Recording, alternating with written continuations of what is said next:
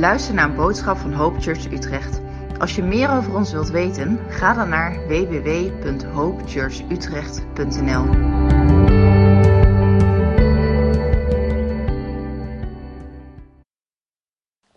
Hebben jullie allemaal een beetje een mooie feestdagen gehad? Ja? Jullie zijn een beetje tammetjes vanochtend, dus ik weet niet uh, wat er aan de hand is. Of, uh, of het gewoon de vermoeidheid van de kerstvakantie is. En, uh, of dat het gewoon de, de, angst is voor de weken die gaan komen. Oh nee, het werkende werk komt eraan.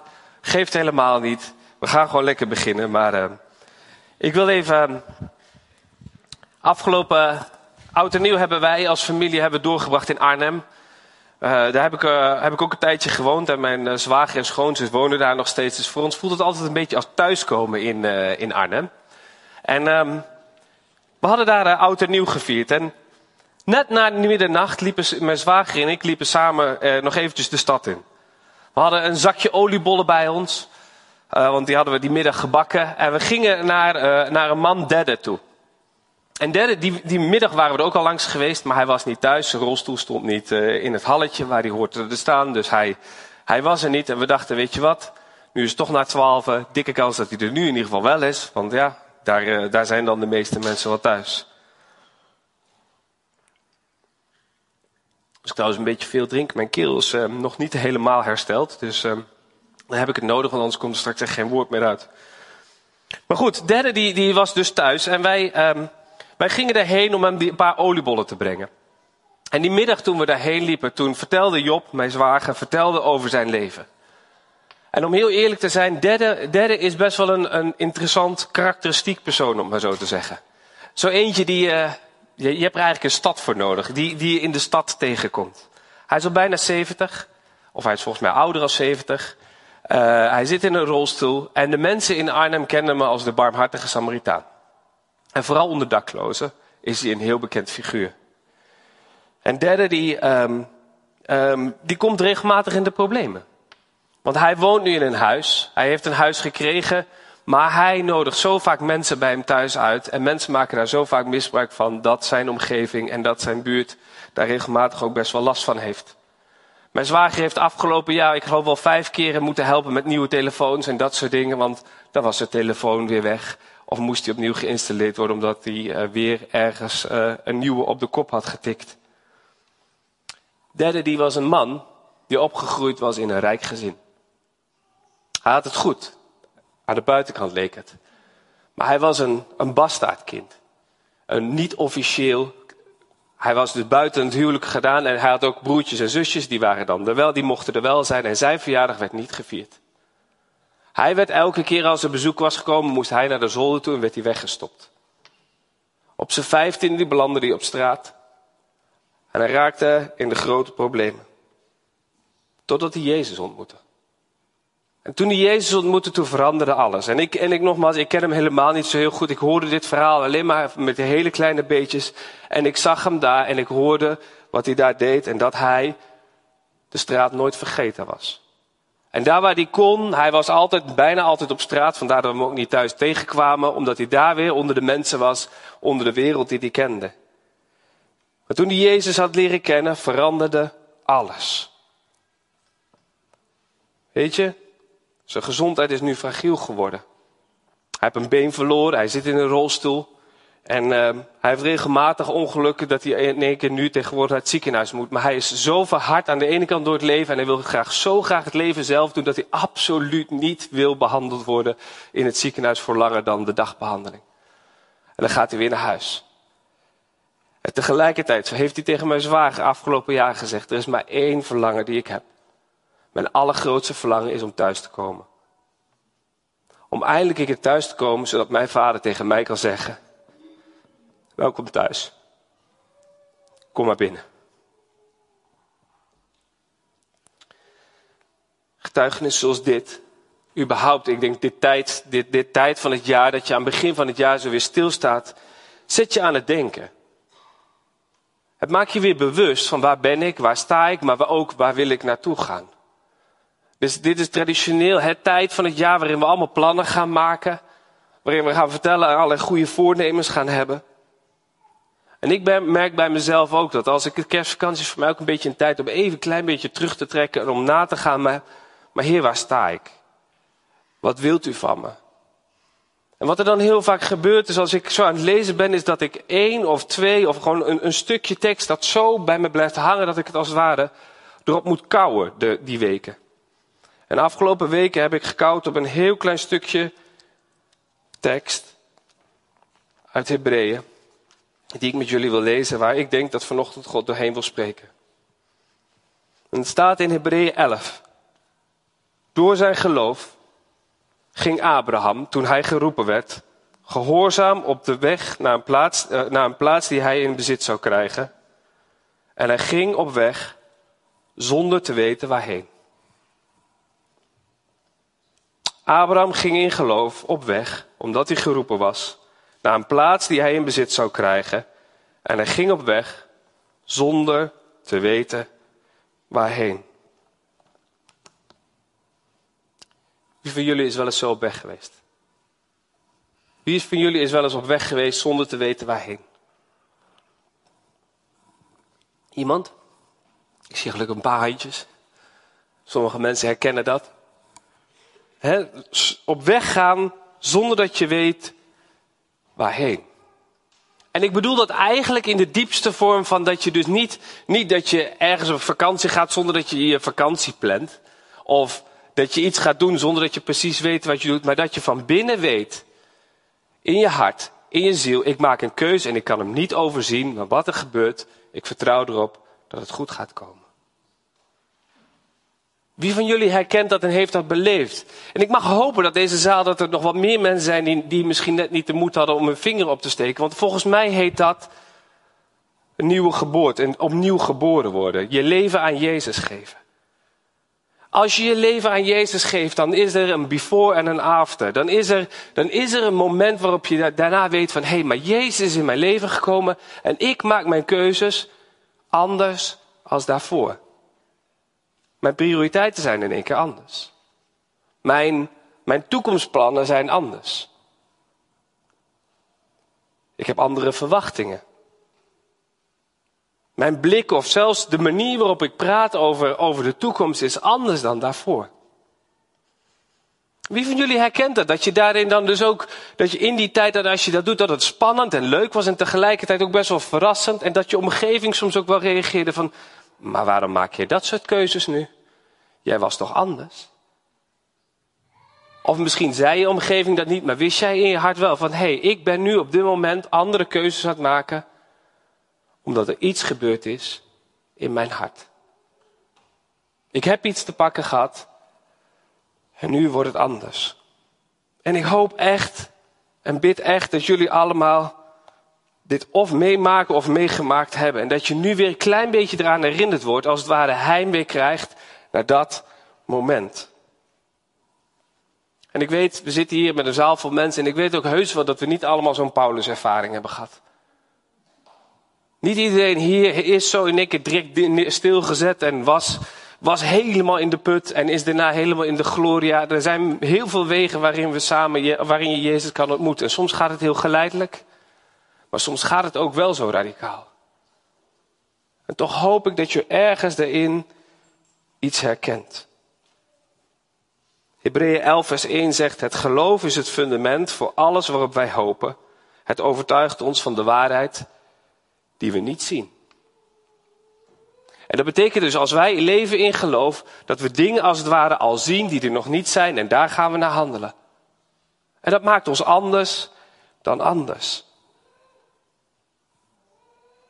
Weet je, dit, dit leven voor iets groters is niet iets, iets unieks voor ons als christenen. Ik denk dat iedereen in zijn leven, christen of niet christen, dat je heel vaak leeft voor iets groters. En laat, me, laat, mij, laat ik het maar heel simpel maken. Sommige mensen trainen voor een marathon. En als je traint voor een marathon of een halve marathon, dan zet je daar dingen voor opzij. Dan ga je leven voor een groter doel. Dan in één keer zijn oliebollen anders, want dan denk je, ja, die oliebol die moet ik straks afrennen. Dus dan doe ik hem maar niet.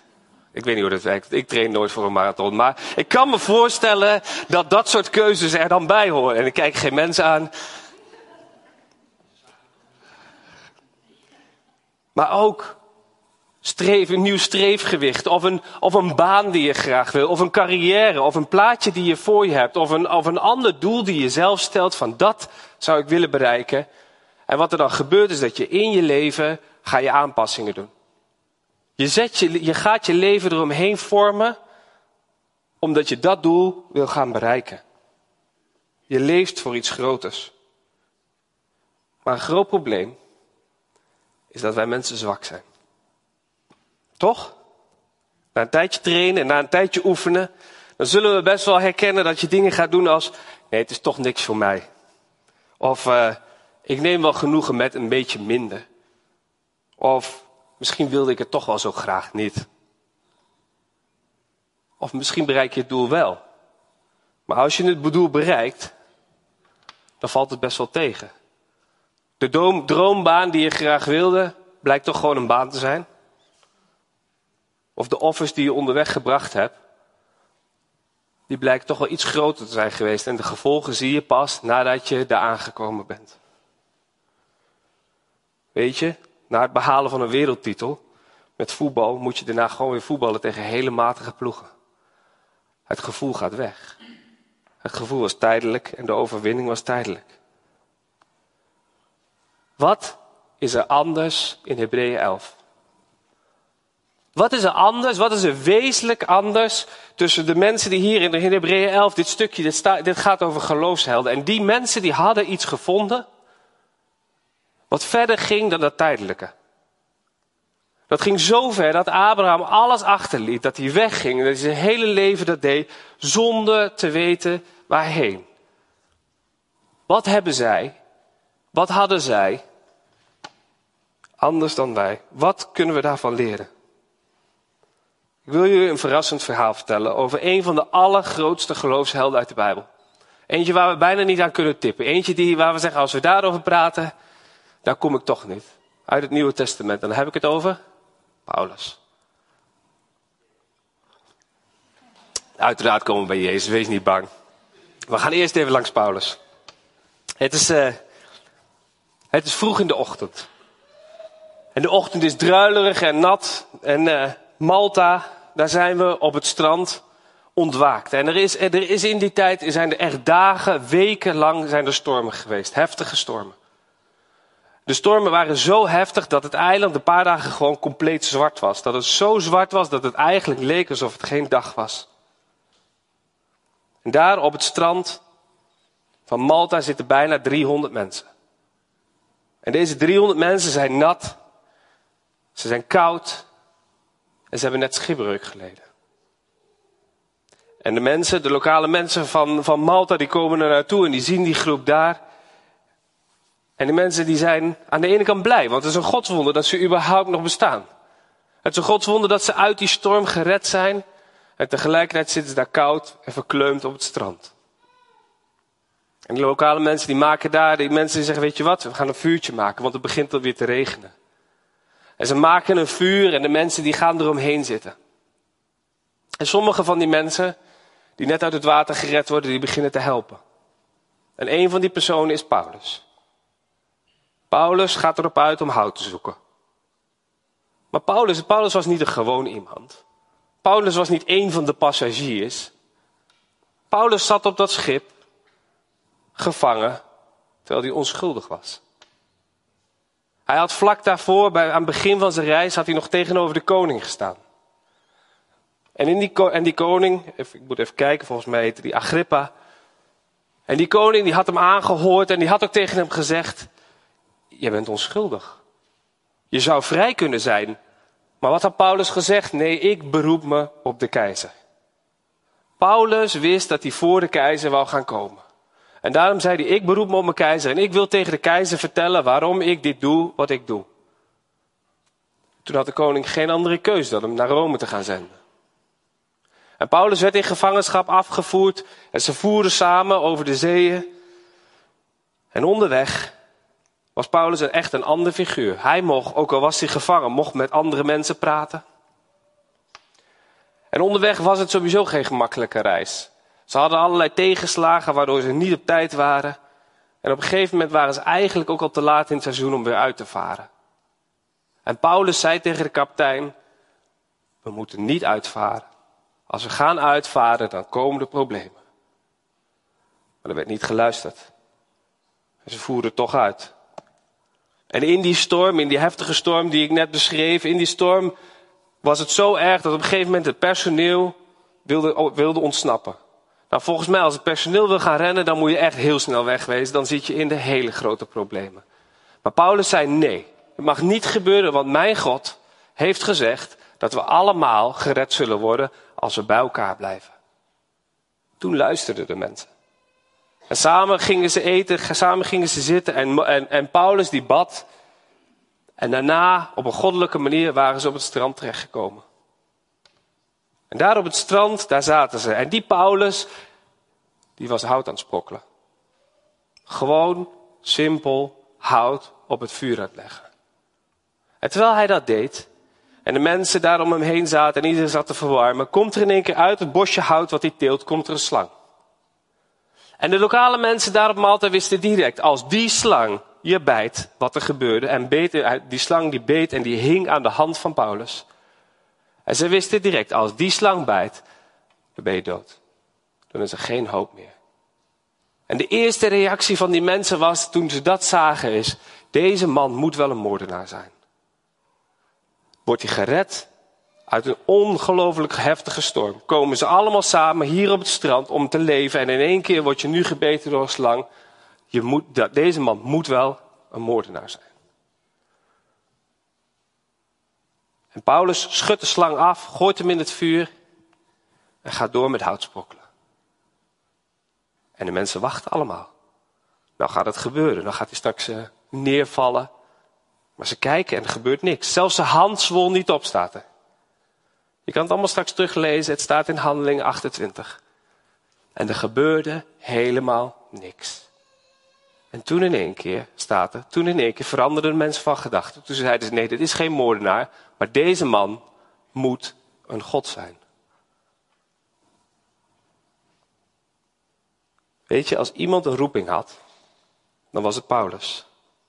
Als iemand, ja, als we iemand hebben, als we het hebben over roeping, wat ik al zei, aan het begin van de preek had ik het over een Paulus-ervaring. Als iemand wist dat God een doel met zijn leven had, en dat hij op pad moest gaan, dan was het Paulus wel. Paulus was zelf een christen vervolger, werd zo door God gegrepen, door Jezus stilgezet letterlijk. En daarna kreeg hij de opdracht van, nou moet je het evangelie gaan vertellen. Paulus was een man die geroepen was. Hij had een belangrijke opdracht. Hij wist ook waarvoor hij naartoe ging. Hij wist, ik moet naar de, koning, naar de keizer toe, dat had God tegen hem gezegd. En toch staat hij daar die ochtend een vuurtje te maken, hout te sprokkelen, een giftige slang, door een giftige slang gebeten te worden. En in dat alles is hij een getuigenis van Jezus. Ik wil je het geheim vertellen van Paulus. Het was niet Paulus een roeping die hem zo ver gebracht had of die hem zo succesvol heeft gemaakt. Het was de stem van Jezus die Paulus zekerheid gaf tijdens de reis naar het onbekende. Ik denk dat het, dat het de stem van Jezus was die Paulus daar succesvol maakte.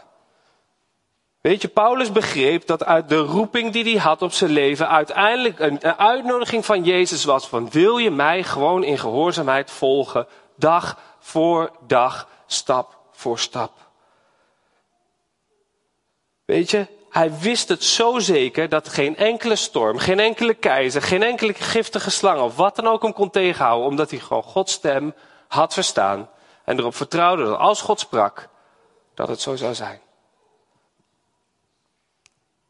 De meeste mensen hier die in de zaal zitten, zullen Jezus kennen. En de meeste mensen die hier zeggen, zullen zeggen, ja, ik wil Jezus volgen. Jullie hebben zijn stem ooit een keertje gehoord. En daarom zit je hier waarschijnlijk, of misschien hoor je hem nu wel een van de eerste keren. Maar ik denk dat de grootste gedeelte van de mensen hier Jezus al heel lang kent. En zichzelf christen noemt, volger van Jezus. Maar weet je wat er gebeurt met volgers van Jezus?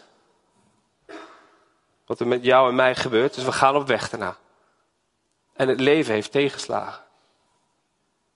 We komen in de regen terecht, we komen in stormen terecht. En dan gebeurt er wat. Dan komen de vragen bij ons in op en misschien herken je die wel van als God mij echt geroepen heeft. En als het echt voor mij is, waarom overkomt mij dit dan? Misschien was ik wel een beetje te enthousiast begonnen. En was het toch niet zo bedoeld. En wat er gebeurt is dat het vuur in het hart, het vuur voor Jezus, dat wat heel hard brandde, begint een beetje kleiner te worden.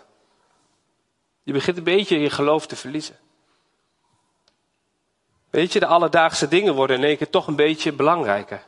En slurpen al je aandacht en al je, al je eigenlijk een beetje langzaam maar zeker al je tijd en energie op.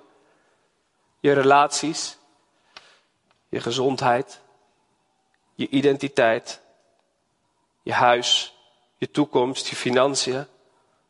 Zelfs je roeping om onrecht te bestrijden, om goed te doen. Allemaal strijden ze om een plekje. En die plek is de plek daar waar het vuur van Jezus eerst brandde. Je zorgen, je pijn, je verdriet. Allemaal vechten ze om die plek en die aandacht. En het vuur wat we eerst hadden wordt kleiner en kleiner als er niet iets opgaat. Voordat we misschien, misschien uiteindelijk wel bijna terechtkomen op een plek dat nog een heel klein waakvlammetje is. Die op zondag een klein beetje leven krijgt, dat hij net genoeg de week volhoudt om weer naar de volgende week te gaan en dan weer aan en uit gaat. Weet je mensen, het geheim van deze geloofshelden was niet hun roeping, maar was dagelijks ervoor te kiezen om in gehoorzaamheid op weg te gaan. Stap voor stap, dag voor dag. Zwak zijn en zwak voelen hoort bij deze weg. En ik denk dat dit iets is wat wij, wij zijn hier allemaal, laten we gewoon heel eerlijk zijn. Ik ben daar regelmatig op de plek dat ik denk, waar ben ik nu mee bezig? En ik denk dat het niet anders kan dat wij daar als mensen regelmatig daar weer bij dat vuurtje moeten gaan zitten. Wat gebeurt er nu in mijn hart? Wat zit daar echt? Weet je, zwak zijn en zwak voelen was ook onderdeel van deze leven van die geloofshelden. Dat waren mensen zoals jij en ik. Die waren niet specialer dan dat jij en ik zijn. Ik las van de week in een boek van Corrie ten Boom een hele mooie, eerlijke eh, gedichte quote van haar. En als er iemand een held van mij is, is het wel Corrie ten Boom. Maar luister naar dit, wat ze zelf had opgeschreven en waar ze zelf na een tijdje weer aan herinnerd moest worden. Lafhartig, onzeker en zwak verander ik als het weer. Vandaag vol ijver en moed en morgen geen spoor daarvan meer. Maar hij gaat weer beginnen en wij zullen winnen, Jezus en ik.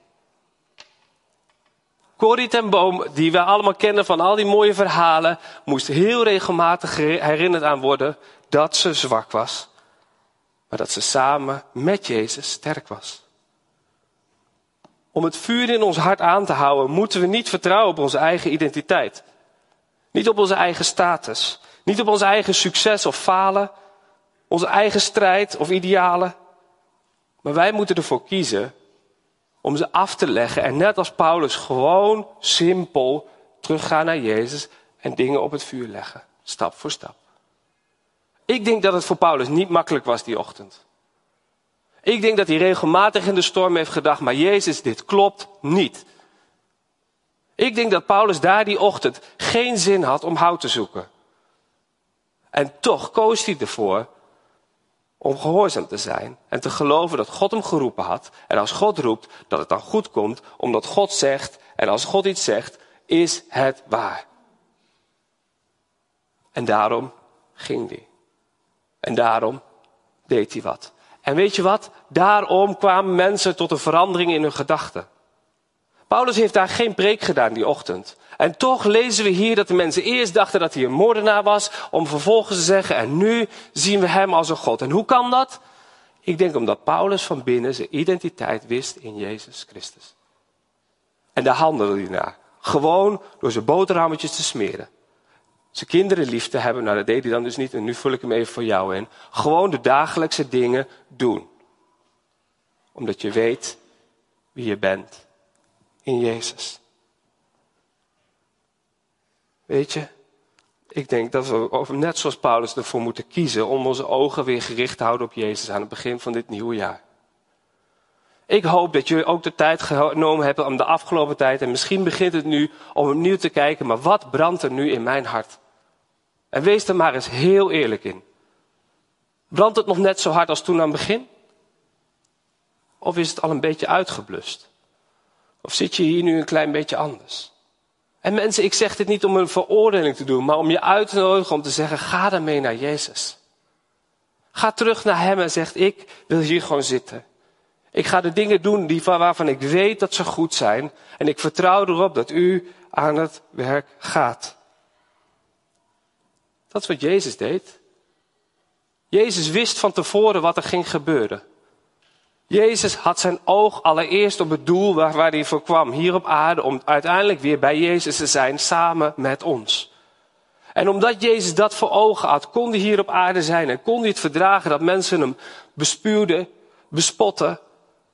Kon Jezus het verdragen dat wij mensen hem gewoon weg, wegzetten, pijn deden, martelden, zelfs aan een kruis hingen. En Jezus kon dat allemaal verdragen omdat hij wist waarvoor hij het deed en omdat hij God zag.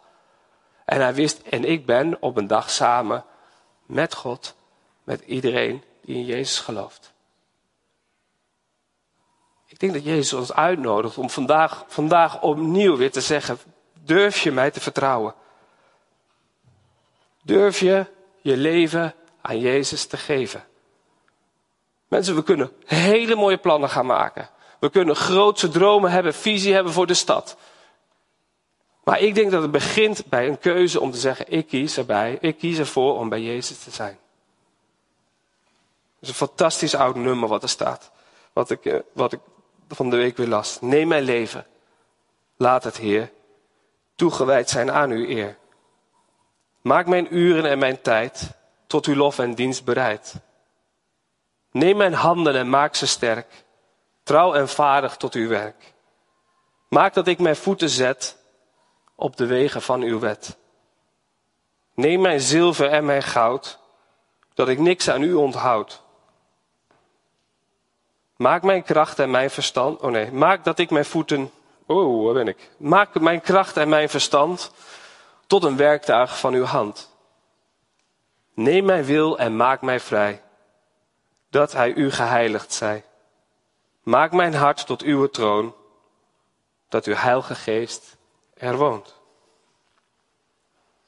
Mensen, ik denk als wij op die plek komen, dat het niet uitmaakt of we nou voor koningen staan, of op stranden staan waar we gestrand zijn. Of we nou voor koningen of drenkelingen of voor, voor wat dan ook zijn, dat we daar een getuigenis van hoop kunnen zijn. Ik denk dat iedereen hier, als we daarmee met dit op pad gaan, dat we tot een licht kunnen zijn in je omgeving en in de stad. Amen.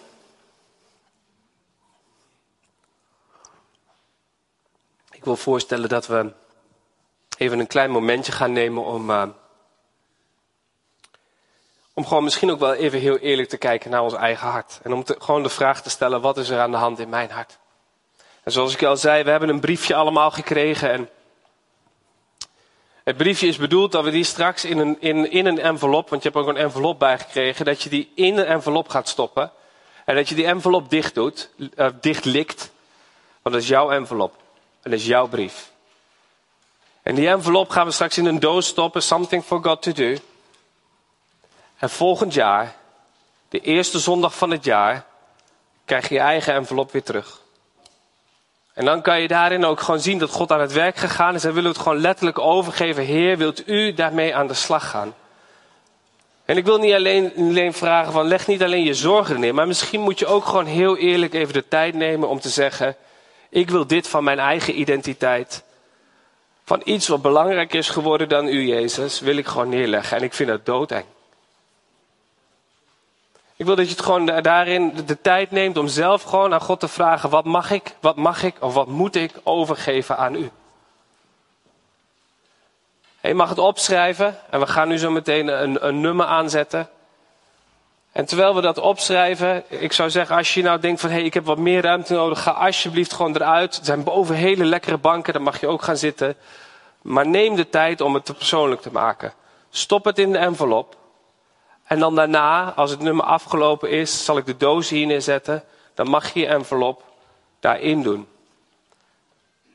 Daarna gaan we samen avondmaal vieren. Daarna gaan we samen gewoon aan de voeten van Jezus zijn en zeggen: Heer, we hebben u nodig. Overigens nog één kleine tip. Als je hier nu toevallig gast bent, je bent vandaag voor het eerst je denkt, ja, ik weet echt niet of ik volgend jaar de eerste zondag hier nog ben. Dat snap ik. Schrijf dan even je adres op. Ja, dan niet alleen je naam, maar je adres. Plakken wij er een postzegel op, sturen we hem naar je toe en komt hij alsnog weer bij jou terecht. Ja? Ik ga ook niet in die doos, die gaat straks de kast in, niemand die hem meer ziet. Uh, dus als je onzeker bent of je hier überhaupt lid wil zijn of nog ooit weer terug wil komen, maak het dan gewoon persoonlijk en schrijf je adres erop. Bedankt voor het luisteren en we hopen dat je hierdoor bemoedigd bent. Als je meer wilt weten over Hope Church Utrecht, ga dan naar www.hopechurchutrecht.nl. Tot de volgende keer.